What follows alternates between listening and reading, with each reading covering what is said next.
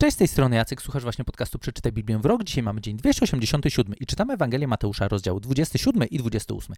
Gdybyście chcieli dowiedzieć się więcej na temat tego podcastu, wejdź na stronę bibliawrok.pl. Jeśli chodzi o to, co mamy dzisiaj, to wydarzenia, które będą się powtarzały nam w każdej relacji życia Jezusa, bo mamy tutaj historię zarówno ukrzyżowania, jak również zmartwychwstania. I teraz wiem, że są to tak kluczowe wydarzenia, że mogłoby się wydawać, no oczywiste jest to, że o tym dzisiaj sobie porozmawiamy, kończąc Ewangelię Mateusza. Niemniej jednak jest w tych rozdziałach też coś, co jest wyjątkowego dla samego Mateusza, dlatego też chciałbym, żebyśmy się odnieśli do tego, co jest wyjątkowe z perspektywy Mateusza, a tak naprawdę, jeśli chodzi o samą kwestię ukrzyżowania, zmartwychwstania, pewnie do tego jeszcze się podnosimy przy okazji kolejnych relacji życia Jezusa spisanych przez Marka, Łukasza i Jana. Niemniej jednak, to co dzisiaj chciałbym, żeby było tematem tego naszego dzisiejszego odcinka, to jest fragment, z którym tak naprawdę Ewangelia Mateusza jest przez niektórych może być nawet dosyć kojarzona, bo jest to bardzo znany fragment, który pojawia się tylko i wyłącznie właśnie u Mateusza. Jest związany z wydarzeniami, które miały właśnie miejsce po zmartwychwstaniu Jezusa, gdzie Odnośnie samego zmartwychwstania i miejsca tych wydarzeń, do których dzisiaj się, czy tego wydarzenia, do którego dzisiaj się odniesiemy, mieliśmy zapowiedź już poprzednio w rozdziale 26, gdzie Jezus właśnie powiedział, zresztą to też było jeden z fragmentów, który przeczytaliśmy, ale po moim zmartwychwstaniu pójdę przed wami do Galilei. No i tak naprawdę zaraz po tym zmartwychwstaniu, po raz kolejny mamy przypomnienie tego miejsca, w którym będzie miała miejsce bardzo ważna rzecz, o której już za chwilkę. Gdzie? Czytając od początku rozdział 28 opisujący właśnie zmartwychwstanie Jezusa, czytamy, że po szabacie pierwszego dnia tygodnia o świcie przyszła Maria Magdalena oraz druga Maria, aby obejrzeć grób. Wtem zatrzęsła się ziemia, to anioł Pana stąpił z nieba, podszedł, odsunął kamień i usiadł na nim. Jego wygląd przypominał błyskawicę, a jego ubranie było białe jak śnieg. Strażnicy zadrżeli ze strachu i stali się niczym martwi, a anioł zwrócił się do kobiet. Wy się nie bójcie. Wiem, że szukacie Jezusa ukrzyżowanego. Nie ma go tu. Zmartwychwstał. Tak jak zapowiedział. Chodźcie, zobaczcie miejsce, gdzie był położony. Potem idźcie czym prędzej, powiedzcie jego uczniom, że powstał z martwych i jeszcze przed nimi będzie w Galilei. Tam go zobaczą. Kobiety szybko odeszły od grobowca, pełne strachu i wielkiej radości pobiegły powiadomić jego uczniów. Wtem po drodze spotkał je Jezus. Witajcie! zwrócił się do nich. One zaś podeszły, objęły jego nogi i pokłoniły mu się. Wtedy Jezus powiedział, nie bójcie się, idźcie, przekażcie moim braciom, by szli do Galilei. Tam mnie zobaczą. Więc widzimy to, że pomimo samego faktu, że ekipa jest w Jerozolimie, całe te wydarzenia miały miejsce w Jerozolimie i ewentualnie tam jakichś okolicach, delikatnie za miastem, Jezus z powrotem wysyła uczniów do Galilei, gdzie jednak też ważne jest to, że Galilea nie będzie końcem tej całej historii, historii związanej z Jezusem. Tutaj zwracam na to tylko uwagę, dlatego że Mateusz swoją relację kończy historią, która w różnych tradycjach pewnie jest różnie nazywana. Niektórzy to nazywają na przykład wielkim posłannictwem, wielkim nakazem misyjnym, jakkolwiek. Czytamy o nim od wersetu 16, gdzie jest napisane 11 uczniów udało się natomiast do Galilei, na górę, którą wskazał im Jezus. No, tak jak tutaj już mieliśmy, trzy razy tak naprawdę była wskazówka, gdzie uczniowie mają się udać po zmartwychwstaniu Jezusa. I dalej czytamy. Gdy go zobaczyli, złożyli mu pokłon, choć niektórzy wątpili. A Jezus podszedł i zwrócił się do nich w tych słowach. Otrzymałem wszelką władzę na niebie i na ziemię. Idźcie więc i pozyskujcie uczniów pośród wszystkich narodów, chrzcijcie ich w imię Ojca, Syna i Ducha Świętego i uczcie przestrzegać wszystkiego, co wam przekazałem. A oto ja jestem z wami przez wszystkie dni, aż po kres tego wieku. Niektórzy zwracają uwagę na to, że jest to ostatnia rzecz, którą Jezus powiedział. To jest taka ostatnia wola Jezusa, taka, takie ostatnie polecenie Jezusa, które naszym powinno być pierwszym takim priorytetem w życiu. I teraz, jedna rzecz jest tylko taka, że niekoniecznie jest to ostatnie polecenie Jezusa, no bo czytamy tutaj o tym, że oni są jeszcze w Galilei, a później tak naprawdę u Łukasza w dziejach apostolskich będziemy czytać o tym, że jeszcze przed samym w niebo wstąpieniem ekipa musiała się przetransferować z powrotem do Jerozolimy, no bo tak naprawdę Jezus nie z Galilei udał się do nieba, tylko z okolic samej już Jerozolimy. Niemniej jednak, do tego sobie dojdziemy później. Mówię o tym tylko dlatego, żebyśmy pamiętali o tym, że Mateusz kończy tym konkretnym zadaniem. Nie zmienia to jednak tego, że Jezus później jeszcze trochę z uczniami pobył. Dla Mateusza jednak było to coś, co było bardzo szczególnym poleceniem, które Jezus przekazał swoim uczniom i tym właśnie poleceniem on zakończył swoją relację życia Jezusa tutaj na ziemi. I teraz chciałbym, żebyśmy zwrócili uwagę na w zasadzie jedną rzecz tylko z tego całego polecenia, choć znowu można by było pewnie o nim dobrą chwilę porozmawiać. Niemniej jednak, Jezus mówi swoim uczniom w wersecie 19: Idźcie więc i pozyskujcie uczniów pośród wszystkich narodów. I to idźcie i pozyskujcie uczniów ze wszystkich narodów jest bardzo ciekawą kwestią, bo tak naprawdę, jak być może pamiętacie już historię Starego Testamentu, to niekoniecznie było tak, że Żydzi byli jakkolwiek zachęceni do tego, żeby gdziekolwiek się udawać, żeby pozyskiwać osoby, które miałyby się stać częścią czy wyznawcami judaizmu. Była taka opcja, oczywiście, w ramach której ktoś mógł stać się wyznawcą judaizmu, jeżeli sam podjął taką decyzję, gdzieś tam się zdecydował na przestrzeganie praw, obrzezanie i tam różne takie kwestie. Była taka opcja, że można było stać się takim, wiecie, Żydem spoza Izraela. Nie zmienia to jednak tego, że misja, z którą Jezus teraz, którą Jezus kieruje do swoich uczniów, to jest całkiem coś innego. Coś, co tak naprawdę jeszcze będziemy widzieć później na początku w dziejach apostolskich, jest naprawdę czymś, co niekoniecznie jest tym, czego spodziewaliby się sami uczniowie. No bo oni wciąż spodziewali się króla, który przyjdzie, zrobi porządek z Rzymem, tak naprawdę zadba o Izrael. Jezus jednak mówi: idźcie i pozyskujcie uczniów ze wszystkich narodów. W innych tłumaczeniach może się pojawić określenie w stylu idźcie na cały świat i czyńcie uczniami wszystkie narody. Z perspektywy Jezusa jego misja związana była z całym światem. Nie tylko z samymi Izraelitami, nie tylko z tym narodem, którego Jezus też był częścią. I z tym poleceniem wiąże się też jeszcze jedna kwestia taka gramatyczna, bo mogłoby się zdarzyć, że gdzieś kiedyś usłyszycie taką historię, w ramach której to idźcie gramatycznie mogłoby być przetłumaczone jako kiedy będziecie szli.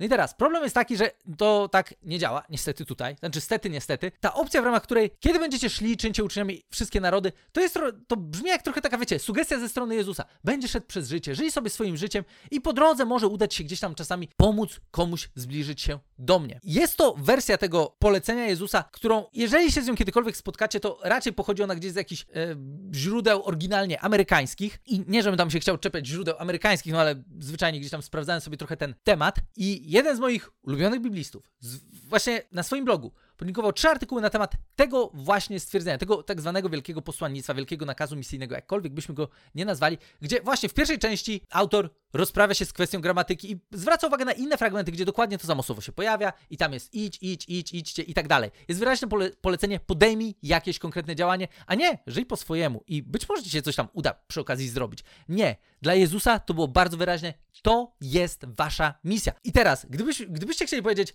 no dobra, fajnie, to była może misja uczniów Jezusa, tych pierwszych, tych apostołów, 11 tam akurat mieliśmy, przy tym konkretnym wydarzeniu, no to lipa trochę jest taka, z takim podejściem do tematu, że kiedy dalej Jezus mówi, że po tym pójściu i pozyskiwaniu uczniów wszystkich narodów, jak to ma się dziać, gdzie jest opisane chrzcicie ich w imię Ojca, Syna i Ducha Świętego i uczcie przestrzegać wszystkiego, co wam przykazałem. No tutaj właśnie Jezus przykazał coś swoim uczniom i zdecydowanie zwraca uwagę na to, że jak macie uczyć wszystkiego, co wam przekazałem, to między innymi tego.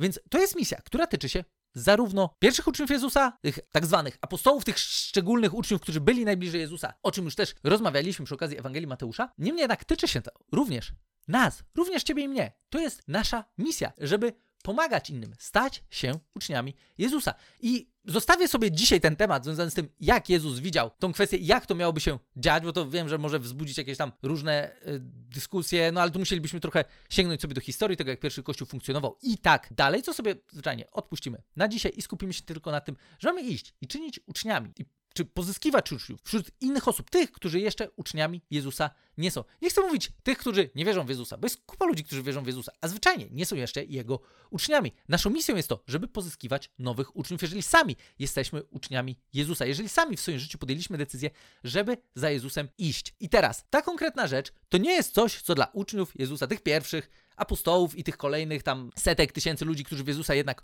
uwierzyli i stali się Jego uczniami, była jakoś szczególnie oczywista. Bo w dziejach apostolskich później będziemy mieli dosyć wyraźnie pokazane to, że uczniowie wcale niekoniecznie wybierali się na jakikolwiek cały świat, żeby pozyskiwać uczniów. Generalnie ekipa wolała siedzieć w Jerozolimie. I tak naprawdę coś, co sprawiło, że ta misja zaczęła być realizowana, to jest działalność gościa, którego my dzisiaj znamy jako apostoł Paweł. Wtedy to był Szaweł Starsu, który był faryzeuszem i był bardzo oddany temu, żeby niszczyć uczniów Jezusa, żeby na ile można, nawet ich zabijać, jeżeli będzie taka potrzeba, po to tylko, żeby ta, to przesłanie, z którym oni, którym oni żyją, nie wychodziło dalej na cały świat. No i dokładnie to, czego on nie chciał, żeby robić, zrobi, robił bardzo skutecznie tym, że był zaangażowany w prześladowania pierwszych chrześcijan. I to one sprawiły, że uczniowie nagle rozpierzchli się poza Jerozolimę i zaczęli uciekać zwyczajnie przed prześladowaniami. Można by nawet było pewnie powiedzieć, że być może apostoł Paweł zrobił więcej dobrego dla szerzenia się dobrej nowiny, kiedy jeszcze prześladował chrześcijan, niż później, kiedy był samym apostołem. Znaczy, wiecie, ja nie chcę umniejszać tym wszystkim, co zrobił jako apostoł, ale tak naprawdę z perspektywy wpływu, jaki wywarło, jego, wywarło to prześladowanie, w które on był zaangażowany, to tak naprawdę sprawiło, że oni w końcu, że uczniowie w końcu się ruszyli. Że oni w końcu ruszyli do miejsc, które mogły być im nieznane, gdzie zwyczajnie uciekali przed prześladowaniami, ale to sprawiło, że w końcu ta Ewangelia wyszła poza Jerozolimę. To przesłanie na temat Jezusa, Jego śmierci i zmartwychwstania wyszła poza Jerozolimę i zaczęła rozprzestrzeniać się po całym świecie. Co później oczywiście do czego dołączył się Szaweł Starsu, który później się nawrócił, stał się Pawłem, którego my właśnie dzisiaj znamy głównie jako apostoła Pawła i oczywiście odegrał on absolutnie kluczową rolę, jeśli chodzi o szerzenie Ewangelii na temat Jezusa po całym ówczesnym świecie. Niemniej jednak, zanim jeszcze był uczniem Jezusa, to okazało się, że miał bardzo konkretny wpływ na to zadanie, które Jezus miał dla swoich uczniów. I teraz, na czym to polegało? Tak naprawdę polegało to na tym, że pierwsi uczniowie, którzy mogliby kojarzyć to, dobra, to jak ktoś chce być uczniem Jezusa, no to niech do nas przyjdzie, niech, nie wiem, nam powiem, podzielimy się z nim Ewangelią, chrzcimy go i spoko, będzie ok. Tak naprawdę to było trochę takie podejście, jakie dzisiaj bardzo, bardzo często mają chrześcijanie. Na zasadzie, niech ktoś do nas przyjdzie, niech wpadnie do nas, nie wiem, na mszę naszej wspólnoty, na jakieś nabożeństwo, na cokolwiek. Zapraszajmy ludzi do siebie, no i może akurat im się spodoba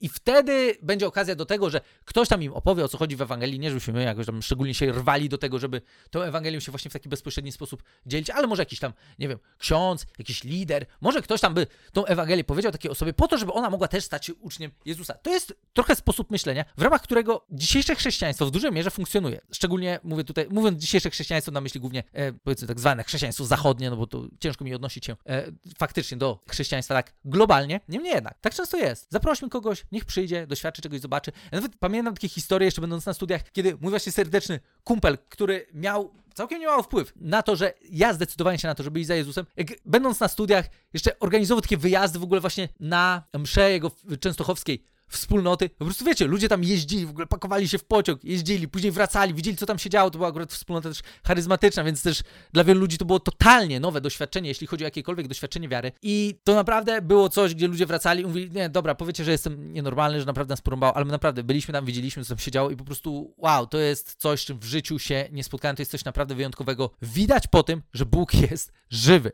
Więc ta technika działała dosyć skutecznie żeby ludziom pokazać, że hej, jest żywy Bóg. To wiązało się zwyczajnie z tym, że dobra, może w mieście, gdzie studiowaliśmy, nie było takiej akurat wspólnoty, ale tak naprawdę można było spakować się w pociąg, skoczyć do Częstochowy, odwiedzić wspólnotę, w tym konkretnym przypadku Mamrę i tam się okazywało, że ludzie naprawdę doświadczali spotkania z żywym Bogiem. Nie mówię, że takie opcje nie działają. To jednak, co jest misją Jezusa, którą ma dla nas, to jest to, że nie pakujmy ludzi i zabierzmy ich, żeby ktoś coś im pokazał. Tylko tak naprawdę my bądźmy tymi, którzy idą w miejsca, które są niewygodne, które dla nas są niewygodne, gdzie nie wiemy za bardzo, co mamy ze sobą zrobić, jak się odnaleźć w ogóle w takim środowisku, które właśnie może niekoniecznie jest jakoś szczególnie przyjazne osobom, które są tak naprawdę poważnie wierzące. Trochę niestety jest tak, że my bardziej oczekujemy, że ludzie wyjdą ze swojej tak zwanej, użyję tego stwierdzenia, strefy komfortu i przyjdą do nas, niż my wejdziemy ze swojej strefy komfortu i pójdziemy do nich. Niemniej jednak to jest właśnie to, co Jezus tutaj powiedział. Co uczniowie na początku, oni tego nie kumali. To nie jest tak, że wiecie, Jezus poszedł do nieba i jeszcze po drodze była historia związana z tym, żeby czekali na zesłanie Ducha Świętego. No i oni później nagle, dobra, jest Duch Święty, bum, lecimy na cały świat. Nie, oni w ogóle, nie, na myśl im nie przyszło to, żeby to robić. Znaczy nie, może na myśl im przyszło, ale na pewno tego nie robili, bo dopiero prześladowania sprawiły, że uczniowie Jezusa zaczęli uciekać i ta, to przesłanie na temat Jezusa zaczęło się rozprzestrzeniać po całym ówczesnym świecie. To nie jest tak, że wydarzyło się tak, jak polecił to Jezus. I to, co Jezus powiedział dla nas, dla ciebie i dla mnie, może być wyzwaniem. Nie szukaj ludzi, którzy będą cię, wiecie, klepać po pleckach i mówić, ej, ale w ogóle jesteś fajny, nie wiem, spoko, fajnie, że są tacy wierzący, pozytywni często ludzie, wiecie, pasjonaci, jeszcze normalni do tego. No to jakby z różnymi tam określeniami się spotykamy i często, kiedy my z moją żoną dzielimy się wiarą w jakichś tam różnych kontekstach, wiecie, poznajemy nowych ludzi, gdzieś tam spotykamy się, nie wiem, idziemy na obiad, idziemy do jakiejś knajpy, yy, spotykamy się u nas na obiedzie, jak tamkolwiek, to często jest tak, że, wiecie, gdzieś pojawia się tam historia yy, związana z naszą drogą wiary, co wzbudza generalnie całkiem niemałe zainteresowanie. Szczególnie jeżeli to są ludzie, którzy wcześniej mieli okazję nas już trochę poznać od strony takiej, takiej wiecie, zwykłej, wiecie, zawodowej, nie wiem, niekoniecznie związanej gdzieś tam z wiarą, to nagle mówią, ej, w ogóle to jest, to jest ciekawe, to jest fajne, to jest w ogóle całkiem spoko, o czym mówicie. No ja taki nie jestem, ale wiecie, to w sumie, no, brzmi fajnie. Często spotykamy się z takimi re reakcjami, niekoniecznie z tym, że zaraz, a, wy w ogóle jesteś fanatycy, wariaci i tak dalej.